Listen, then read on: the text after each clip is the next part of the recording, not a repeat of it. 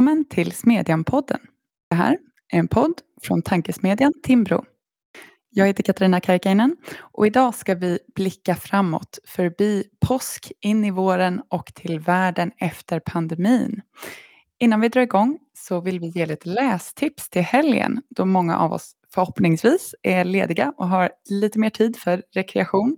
Och vi har ju faktiskt med oss medians chefredaktör Sven Dahl. Sven, kan inte du berätta om några av de artiklar som vi har publicerat i veckan? Om man känner för lite läsning och fortbildning, inte på långfredagen förstås, men om andan faller på senare under påskhelgen, vad ligger och väntar på ändå?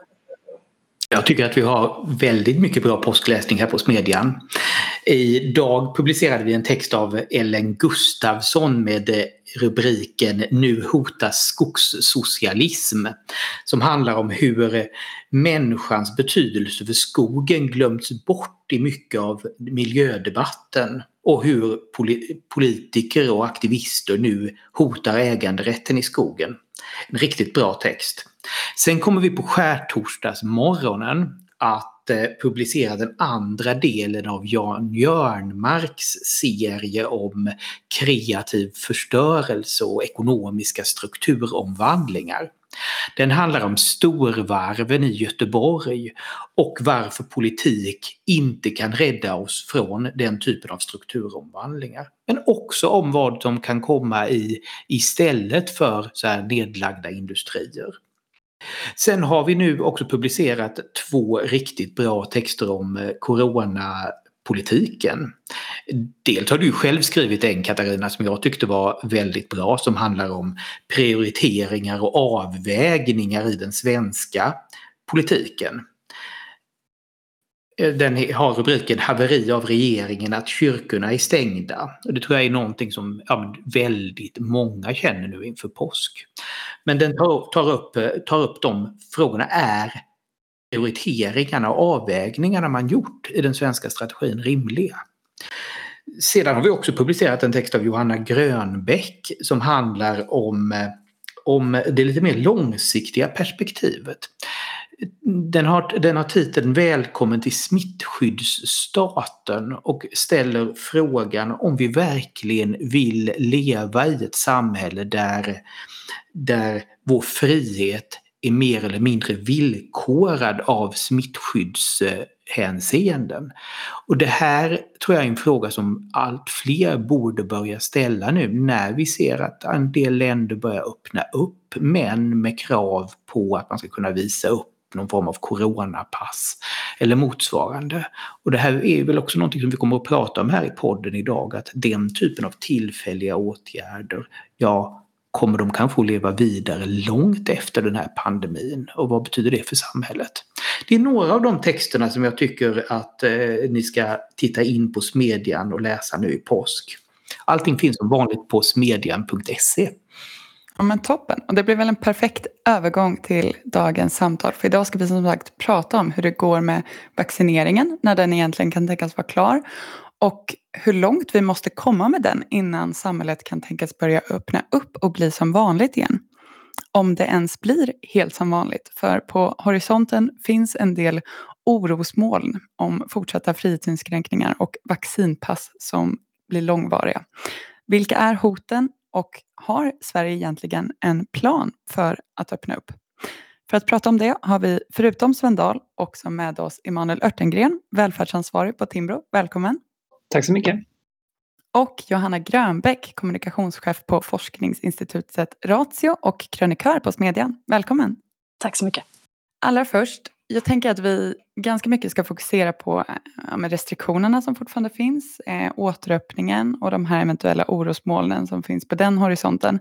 Men kan inte du, Emanuel, börja med att berätta hur vi ligger till med vaccineringen idag? Dels liksom de facto, kanske i relation till det här midsommarmålet som vi har satt upp, i relation till andra länder. Vi kommer bland annat prata om Danmark idag, men det kanske finns andra länder som eh, är relevanta. Hur går det? Det går sådär. Eh, kan man väl säga sammanfattningsvis. Även om vaccinationstakten har ökat eh, rejält de senaste veckorna med undantag för den eh, period eller de dagar ska jag säga som Folkhälsomyndigheten stoppade användandet av AstraZenecas vaccin därför att man misstänkte att det kunde ha vissa biverkningar. Så, så igår såg jag till exempel att Kvällsposten skrev om att Sverige har gått om Danmark i vaccinationen och det var väl en lite missvisande rubrik. Eh, Danmark har fortfarande vaccinerat fler per, per 100 invånare men om man ser till bara takten så har ju Sverige faktiskt eh, gått om Danmark som annars var eller är ett av de länder som har vaccinerat snabbast i EU och det beror framförallt på att vi nu använder AstraZeneca-vaccinet igen medan Danmark fortfarande har ett eh, vaccinationsstopp för, för just det vaccinet. Då. Eh, men eh, eh signalerna från flera regioner, eh, bland annat Halland som jag tycker är väldigt eh, transparenta, eh, de indikerar väl att vi, vi kommer inte att nå det här midsommarmålet som det ser ut nu eftersom vi, vi kommer att få färre doser under det första halvåret än vad man tidigare har beräknat. Och, och det gör att det är nog mer realistiskt att vi blir klara med, med massvaccinationen, alltså för den, den breda allmänheten som är över 18 år. Eh, ja, kanske i, i augusti, i juli-augusti i de flesta regioner, men, men inte till midsommar. Det, det var på tapeten på sistone det här med exportförbud och exportrestriktioner av eh, vaccin och det tror jag vore eh, om man, om man, bara ser det till att vi, vi ska ge igen, eh, alltså vi som EU ska ge igen på Storbritannien och USA för att de eh, begränsar export av vaccin och, och insatsvaror till vaccin ännu mer än vad vi i EU gör. Då kan man ju förstå det. Alltså man, man, man vill inte bara vända andra kinden till kanske.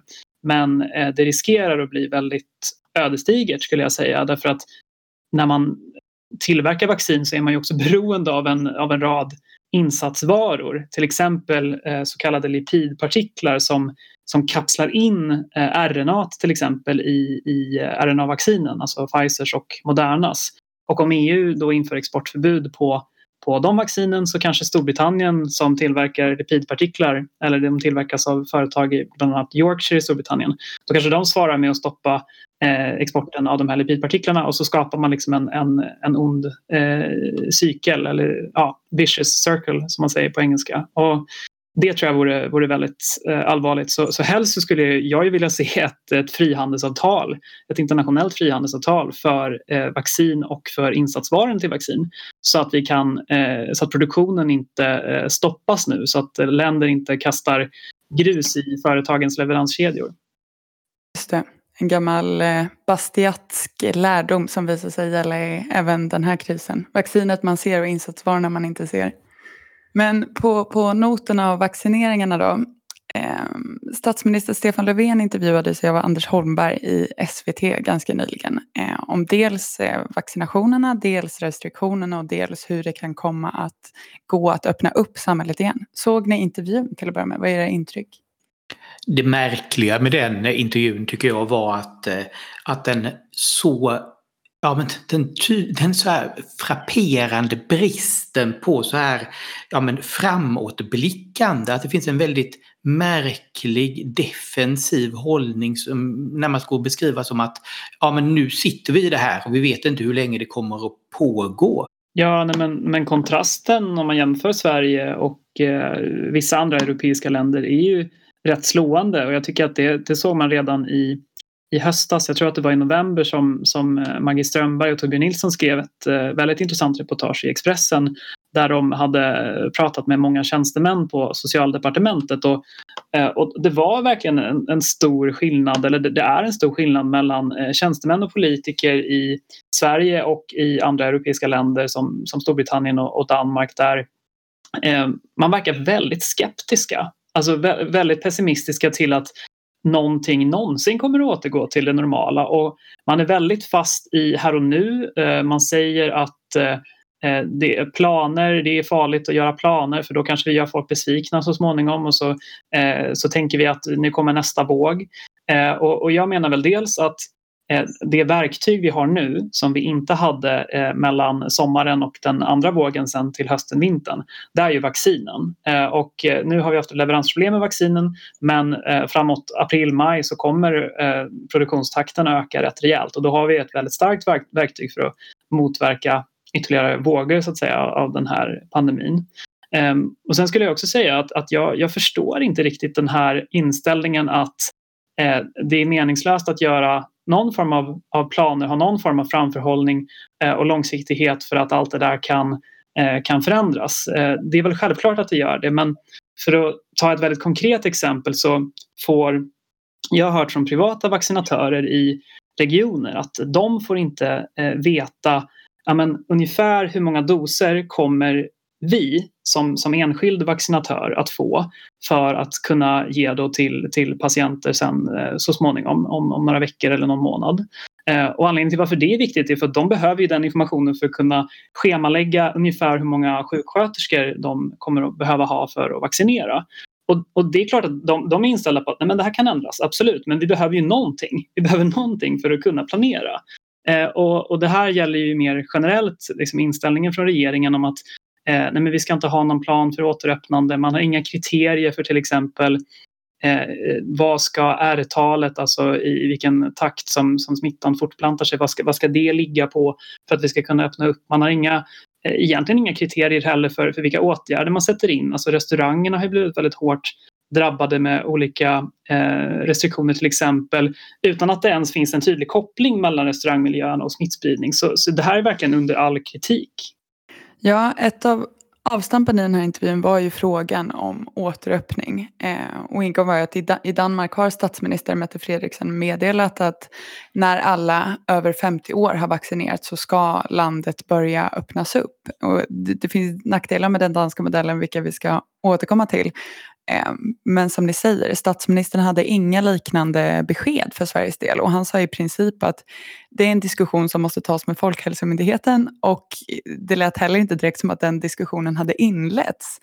Vad, vad, vad säger ni om det här? Borde Löfven kunna ge besked om så att säga, vilka parametrar man tittar på eller vilka punkter som skulle kunna vara relevanta för när man väljer att ta det ena eller andra beslutet? Vad skulle sådana kunna vara?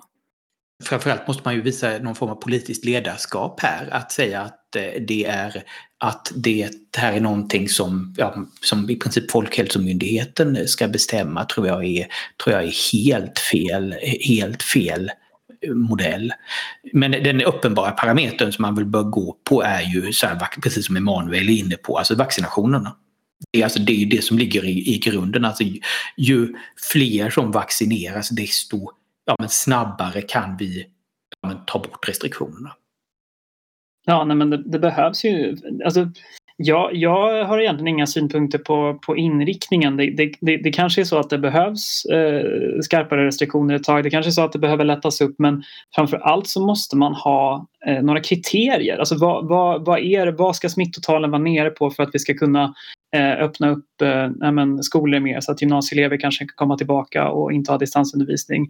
Vad, vad krävs för att vi ska kunna eh, lätta på restriktionerna för restauranger? Vad krävs för att vi ska eh, men, återgå till till, till någon slags eh, normaltillstånd på, eh, på arbetsplatser. Alltså det, det, det, behövs kriterier och de behöver vara transparenta. Mm. Och regeringen skulle ju kunna ge eh, skulle kunna ange liksom inriktningen att vi, vi vill öppna upp så gott det går därför att det är bra för eh, dels att det antagligen är bra för ekonomin, eh, dels är det för, på andra sätt, eh, kanske inte just smittspridningsbekämpningssyfte eh, men på andra sätt kan det vara bra för folkhälsan att människor får får socialt utbyte, får, får komma ut och får eh, liksom, kanske träna mer till exempel. Eh, det är ju också bra för folkhälsan och då, då kanske regeringen skulle kunna ange inriktningen och sen säga till Folkhälsomyndigheten att ta fram några kriterier, ta fram eh, en, en lista på, på några punkter som, som måste vara uppfyllda för att vi ska kunna gå i riktningen med, med mer återöppning. Och sen såklart i takt med att vi, vi vaccinerar fler så kommer vi ju kunna göra det. Men jag, jag är väldigt förvånad över att regeringen går liksom tvärt vad rätt många europeiska länder eh, gör just nu och att man, man verkar ja, men, eh, hand, handfallna. Eh, man verkar inte, det verkar inte som att man har någon ambition att öppna upp utan att man, man, man rycker på axlarna och säger ja, vi får se och, och det inger inget förtroende överhuvudtaget. Nej, alltså lite cynisk om man får vara det, så här, eh, var det här nu i podden så är det lite som att eh, Socialdemokraterna gillar sina nya maktbefogenheter och att eh, och verkligen tycker att det är himla trevligt att se till förhindra folk från att gå på krogen efter klockan 20. Det var ju en delvis eh, ledande fråga kanske men jag håller med dig Emanuel om att man inte nödvändigtvis måste Ehm, alltså för att vara kritisk till det här så behöver man inte ha någonting emot eh, själva riktningen i sig. Men jag tycker själv att hela den här pandemin har präglats av liksom väldigt bristfällig information och eh, liksom bristfällig genomgång av strategier och målkonflikter och liksom just det här parametrar för vad regeringen baserar sina beslut på. Och det gällde även tidigare när man hade en mer öppen linje. Men det här, det här tidigare prioriterade målet om att eh, samhället i så stor grad som möjligt ska hållas öppet är ju som idag helt, eh, ja, det, det hör man ju inte, inte i intervjuer längre. Och risken med det resonemanget som statsministern var inne på nu i den här intervjun, som var liksom att ja, vi vet ju inte om viruset är helt vunnet över bara för att vi har vaccinerat. Och det kan ju komma nya mutationer och varianter och vi kommer inte kunna gå från noll till hundra på en dag och vi får se när vi vill öppna upp vad, men vi kommer inte berätta på förhand vad det är vi tittar på. Det lämnar ju väldigt mycket utrymme för att man liksom i ett senare skede kan komma med helt nya motiveringar för liksom restriktioner och den här sortens inskränkningar. Ja, och jag, jag, tror inte heller, och det här gäller ju för övrigt, det gäller inte bara signalerna till, eh, till företag som funderar på ska vi göra nya investeringar i vår verksamhet eller till allmänheten som är sugna på att eh, alltifrån att gå till frisören när man har avstått det under en längre tid till att eh, planera en, en sommarsemester och, och kunna träffa, träffa äldre släktingar och så. Det, det, det, det gäller ju också den här, den här bristen på information, det gäller ju också mellan Eh, regeringen och myndigheter och eh, regioner eh, och kommuner som får veta ofta i samband med presskonferenserna precis som, som alla andra att nu är det nya restriktioner som gäller och då hinner de inte proaktivt ställa in sig på vad, vad som kommer att, krävas av dem framöver och de får dessutom, eh, får dessutom skäll av, av medborgare som, som eh, tror att det är de som ansvarar för de här nya restriktionerna när, när de i själva verket då kommer från, från högre ort så att säga. Så, så det, eh, jag, jag kom över en, en utvärdering för ett tag sedan eh, och eh, en, en, slående sak i den utvärderingen av hur, hur en svensk region hade hanterat pandemin var just att eh, informationen från nationella myndigheter, från Folkhälsomyndigheten, från Socialstyrelsen och från MSB eh, har varit väldigt eh, knapphändig. De har inte varit särskilt responsiva. Eh, de har sagt, Socialstyrelsen till exempel, att Eh, vi kommer att höra av oss om, eh, om material och skyddsutrustning till exempel och sen så gör de inte det. Eh, och MSB kritiserades till och med för att man inte hade någon tydlig funktion i krishanteringen överhuvudtaget. Så att jag, jag är verkligen förundrad över hur, hur vissa, framförallt socialdemokrater, jag såg två tidigare socialdemokratiska ministrar var ute och sa att Coronakommissionen, den här oberoende utvärderingen som görs nu av hur, hur man har hanterat coronapandemin, den visar att regionerna bör avskaffas. Jag skulle snarare säga eh, tvärtom att regionerna har steppat upp sitt game under det här året och trollat fram intensivvårdsplatser och, och anpassat sig till förutsättningarna så gott det går, även med vaccineringarna nu. Medan det, det är staten, eh, de, regeringen och de nationella De ska avskaffas. Som, ja, varför inte? Eh, nej, men jag, jag, känner lite att de, de, de, har inte, de har inte gjort ett lika bra jobb. Och jag tycker nej. att regionerna nu det, det är som upplagt för att regionerna ska få, få ta smällen. Regeringen pekar alltid på regionerna och tar inget eget ansvar. Om man tänker på det här med återöppning då, vad hade kunnat vara en rimlig siffra? I Danmark säger man när alla är över 50 vaccinerade. Anders Holmberg påpekade i den här intervjun att efter den tredje fasen av vaccinationerna så kommer alla över 60 och alla i riskgrupp vara vaccinerade. Vad säger ni, går det, är det någon av de här, går det att säga? Alltså jag, jag, skulle säga att någonstans där, all, alla över 60 och alla i riskgrupper tycker jag, skulle jag personligen se som ett rimligt, rimligt, eh, en rimlig nivå för att avskaffa restriktionerna. Det handlar ju också ytterst om den, här, den svåra frågan som vi, som vi pratat alldeles för lite om i, i, i debatten det gångna året. Nämligen så här, står restriktionerna i proportion till hotet? Det skulle jag vilja se en ordentlig diskussion om. Och ja, då kan, men utifrån ett sådant perspektiv, då tror jag man kan resonera så att ja, är personer över 60 och personer i riskgrupperna vaccinerade, ja, då finns det förmodligen väldigt få anledningar att ha långtgående restriktioner. Eftersom faktum är att, att det här viruset inte är särskilt farligt för för, för övriga. Jag såg nu till exempel att eh, i Danmark så har man resonerat så att eh, eh, personer som är färdigvaccinerade får, får träffas eh, utan, utan avstånd. Och då sa man då bland annat från deras forskningsinstitut där som heter Statens Seruminstitut är att det, det är en, en rätt liten risk att vaccinerade personer bär på smittan. Och då säger den tidigare chefen då för, för, den här, för det här institutet att eh, vid någon tidpunkt måste vi ta risken. Annars måste vi hålla vårt avstånd i all evighet och det är inte heller en god väg.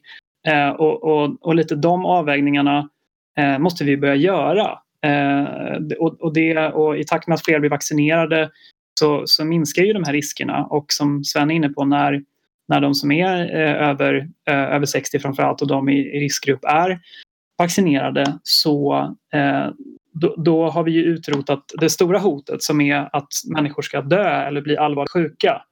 Eh, och, och, någonstans där så, så måste vi börja eh, ja, men, umgås eh, som vanligt igen för att eh, det här samhället vi har levt i ett år nu det, det har ju på många sätt varit omänskligt. Mm. Ja, men det var väl ett eh, gott medskick där från Danmark. Så om man kollar på, på läget idag då. Snart en och en halv miljon eh, vaccinationer har genomförts. Det finns ju såklart, som vi har varit inne på, risk för ökad smittspridning och det som man kallar för en tredje våg igen. Men samtidigt kanske lägre risk eh, för allvarlig sjukdom för varje dag som vaccinationerna fortgår. Men det är ju fortsatt ett extremt svårt läge i restaurangbranschen till exempel, som också under stor del av den här tiden har fått väldigt hattiga beslut med liksom några dagars framförhållning. Kyrkorna får fortfarande inte öppna upp, som vi var inne på. Inte ens de som i vanliga fall hade kunnat ta tusen personer får samla liksom 50 stycken för en gudstjänst i, i påsk. Eh, det blir en lite ledande ingång till frågan här, men tycker ni att vi är på en rimlig nivå av restriktioner givet läget nu? Nej, jag, jag skulle väl säga så att jag alltså först och främst är det väl så att jag tycker överlag är jag glad för att Sverige ändå valt en, en liberalare linje än vad många andra länder gjort. Jag tror att det har varit, varit bra för det svenska samhället i stort. Men, sen, sen, men om vi tittar på de nuvarande restriktionerna blir det väl helt uppenbart så att så till exempel det här förbudet mot att servera alkohol efter klockan åtta, att det inte står i proportion till, till, något, till något hot. Tvärtom är det väl så att det finns en undersökning av hur, om det sker någon smittspridning i restaurangmiljöer och att den är försvinnande liten.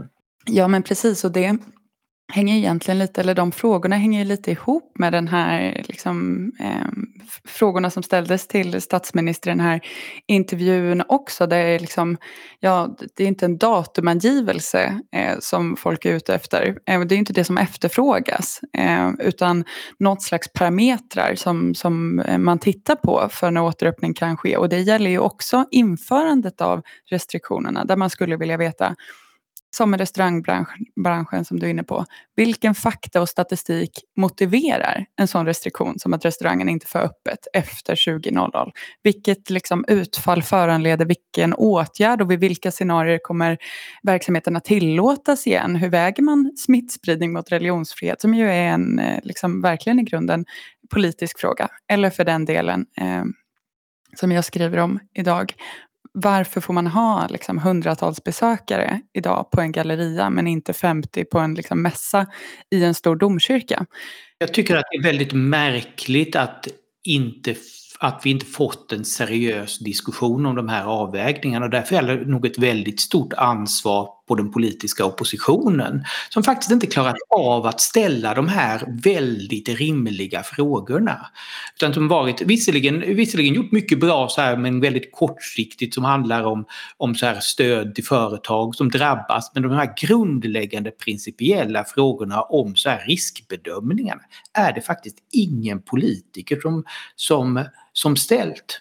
Det tycker jag, är, jag, jag tycker att det är lite märkligt. Jag tänkte bara två saker apropå det du sa Katarina. Dels vad gäller riskbedömningar så, så kom det en undersökning från den där danska eh, forskningsinstitutet som jag hänvisade till för en stund sedan, eh, Statens seruminstitut, där de tittade på och jämförde personer som eh, har blivit smittade av covid-19 jämfört med personer som inte har blivit det och sen studerat i vilka miljöer har personerna i fråga då blivit smittade och i vilka miljöer är inte förknippade med förhöjd smittorisk. Och då såg man till exempel att under november månad i Danmark, då, då restriktionerna som gällde på restauranger där då var att de stängde klockan 10, alltså lite senare än vad de, vad de nu gör i Sverige. Eh, att man får sitta max fyra personer på bord och att man måste ta på sig munskydd om man, eh, går, om man reser sig och, och går från sitt bord. Eh, och under de förutsättningarna så såg man ingen förhöjd smittorisk på restauranger. Så med motsvarande restriktioner i Sverige så, så tror jag att då, då, skulle restaurangverksamheten kunna eh, bedrivas på, på ett mer öppet sätt än, än vad det gör nu. Danmark har ju som sagt givit besked om att eh, man kommer att öppna upp samhället när alla över 50 år är vaccinerade. Men det är ju inte en strategi som är helt utan problem den heller. Johanna, du har ju skrivit en krönika för Smedjan som eh, vi har nämnt tidigare som är publicerad igår som handlar om ja, men, vad som händer i Danmark och som det finns risk för i flera länder också. Vad är det du varnar för? Ja, men precis som, som vi har varit inne på. Danmark har alltså fattat ett beslut om att om en plan för återöppning av samhället. Eh, det finns ju en fin förutsägbarhet i det här som är ganska välkommen. Eh, den här återöppningen innebär att det är stegvis och etapper för liksom olika ja, men delar av samhället att återöppna upp. Det är liksom, den här veckan ska frisörer få starta igen, den här veckan ska få bibliotek öppna och så vidare. Men, men det finns ett men och det är att de här platserna öppnar för de som har coronapass, som visar upp dem så att säga. Och då, då ska man i ett sånt här pass visa om man har vaccinerats, har antikroppar eller de senaste 72 timmarna har varit infektionsfri. Um, och det här, det här är ju ganska märkligt, för det betyder alltså att man ska visa pass för att gå till frisören. Coronapass. Um, så vad jag, vad jag varnar för det är att det här är lite av en Pandoras ask som man faktiskt öppnar. Ehm, det har ju flaggats i Sverige också för att de pass, eller gröna digitala intyg tror jag man kallar det, som EU-kommissionen har fattat beslut om, att de ska kunna användas också i Sverige till ja, men nationella evenemang, som att gå till bibliotek även här. Ehm, och frågan är ju egentligen, till vad ska de här passen inte användas? Vad säger ni andra om det här? Tycker ni, eh, delar ni bilden att eh, coronapass kan vara en lite vansklig väg att gå? Ehm, det beror på eh, hur de används, i vilka sammanhang eh, och så. så. Så jag förstår eh, varningarna för dem och jag, jag tycker väl att om man ska införa det på, på nationell nivå, alltså inom Sverige för olika saker så, så tycker jag att det, det är kanske lite konstigt för att eh, vad bland annat eh, de här eh, siffrorna från, från Danmark och även siffror från Folkhälsomyndigheten i Sverige visar är ju att eh, folk tenderar inte att bli smittade i sådana här allmänna miljöer som, Eh, som restauranger till exempel utan det, eh, gym är förvisso en, en riskfaktor men annars så är det framförallt när man, när man träffar andra som har varit smittade på, på fester eller hemma hos någon till exempel. Det, det är det som är de stora eh, smittspridareventen eller vad man ska säga. Så att, eh, ska man använda sådana här pass då måste man göra en avvägning mellan de här fri och rättighetsinskränkningarna och eh, vad, vad, vad är egentligen som, som smittan sprids. Det är väl lite likadant, eh, den noten som du avslutade på Johanna, som det som du Sven var inne på eh, tidigare. Att eh, liksom resonemanget och diskussionen om vad det inte ska användas till och var gränserna går är vad, vad som har saknats. Ja, alltså återigen, alltså frågan här är ju så här, står den här åtgärden på något sätt i proportion till, vad man, till, de, till de vinster man tror sig kunna uppnå? Och jag ser det här nog mer som en väldigt, som väldigt mycket symbolpolitik. Här har politiker under, under ett års tid målat upp det här som ett, som ett extremt stort hot. Sen har det ju visat sig att, att även om covid-19 är, ja men det är farligt för personer över 60, personer i riskgrupper, så är det inte ett riktigt så stort hot mot mänskligheten som det ibland kan låta. Men för att kunna ta sig ur det här måste man ju som politiker visa någon form av handlingskraft för att, kunna ta, för att, för att vi inte ska vara kvar i de här nedstängningarna, i den här nedstängningsspiralen som vi befunnit oss i ett år. Då blir ju så här de här coronapassen en väg ut. Samtidigt som det förstås är helt orimligt att ha en restriktion där att man ska tvingas visa upp att man, blir, att man har, har antikroppar eller blivit vaccinerad för att få gå på, gå på krogen i Köpenhamn och dricka en öl. det är förstås en, ja men det, det är inte särskilt, inget särskilt trevligt samhälle det skapar. Johanna, du skriver ju att tillfälliga lagar sällan blir tillfälliga. Hur stor ser du att risken är att de här coronapassen skulle bli mer permanenta och kanske tillföras nya liksom, varianter av viruset eller andra saker? Och hur ser du framför dig att det skulle gå till och hur man skulle motivera det? För att följa upp lite vad både Sven och Emanuel har varit inne på så det finns ju, jag skulle nästan säga fyra stycken aspekter av det här med coronapass som jag tror är särskilt oroväckande. Det är dels precis vad du precis ställde fråga om Katarina, att ja, men tillfälliga lagar är sällan tillfälliga. Vi har sett det när det kommer till Ja, klassiska exemplet är ju hyresregleringarna från 42 eh, som i ny tappning fortfarande finns kvar. Men vi har också momsen och vi har andra lagar som liksom började som tillfälliga eller åtminstone väldigt begränsade. De skulle bara användas på ett håll. Till exempel FRA-lagen. Det var en stor debatt och det var stora brasklappar om att den skulle minsann signalspaning skulle vara jättebegränsat. Men det var ganska nyligen som man fattade beslut om att man utökar signalspaningen.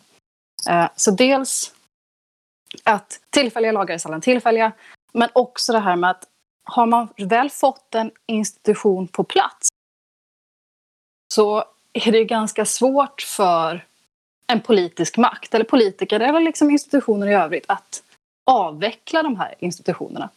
Eh, det byggs liksom en infrastruktur, ett system med, med ganska mycket politisk prestige. Eh, då är det lätt för politiker att, så att säga, satsa på de här och hitta nya användningsområden till dem snarare än avveckla dem. Eh, jag tror vi alla kan tänka att det har varit ganska svårt att höra, eller få tillfällen där man hört politiker säga att nu ska vi avveckla det, det är dags.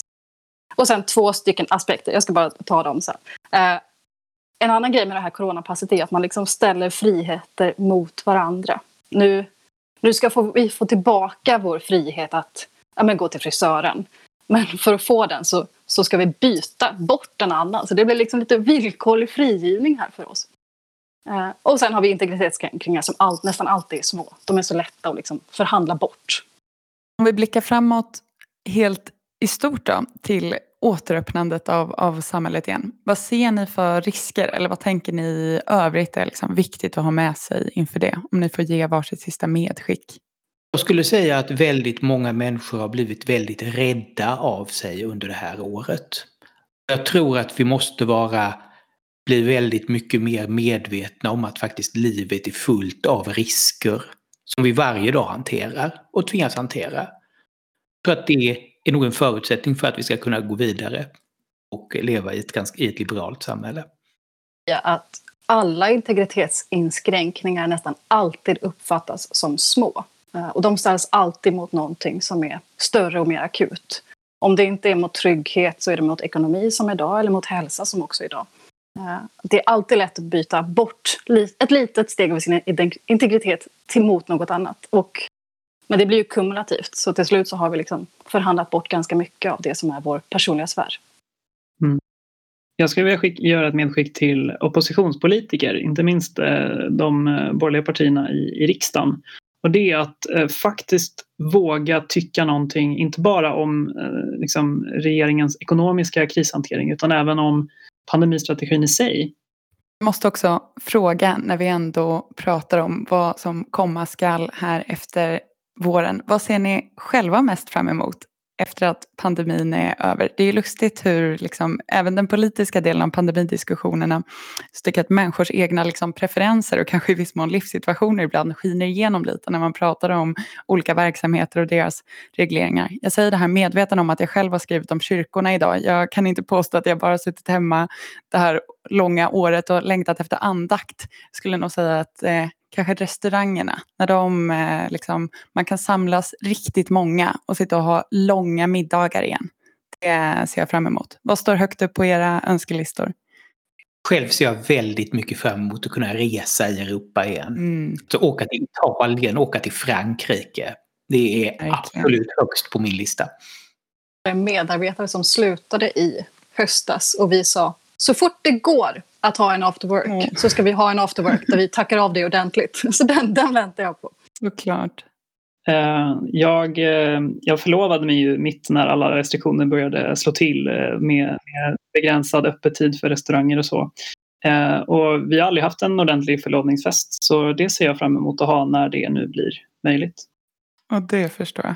Åh, vad härligt. Det här var ju en härlig not att eh, avsluta på. Nu är vi i alla fall fortfarande där vi är. Givet att man inte kan fira påsken i kyrkan, vilket kanske inte alla hade velat göra ändå, men säkert vissa. Har ni några tips nu inför helgen? Något lästips, aktivitetstips, mattips? Sven, du trivs ju bra i köket. Kanske jag kan få avslöja här. Har du några mat eller dryckestips till helgen?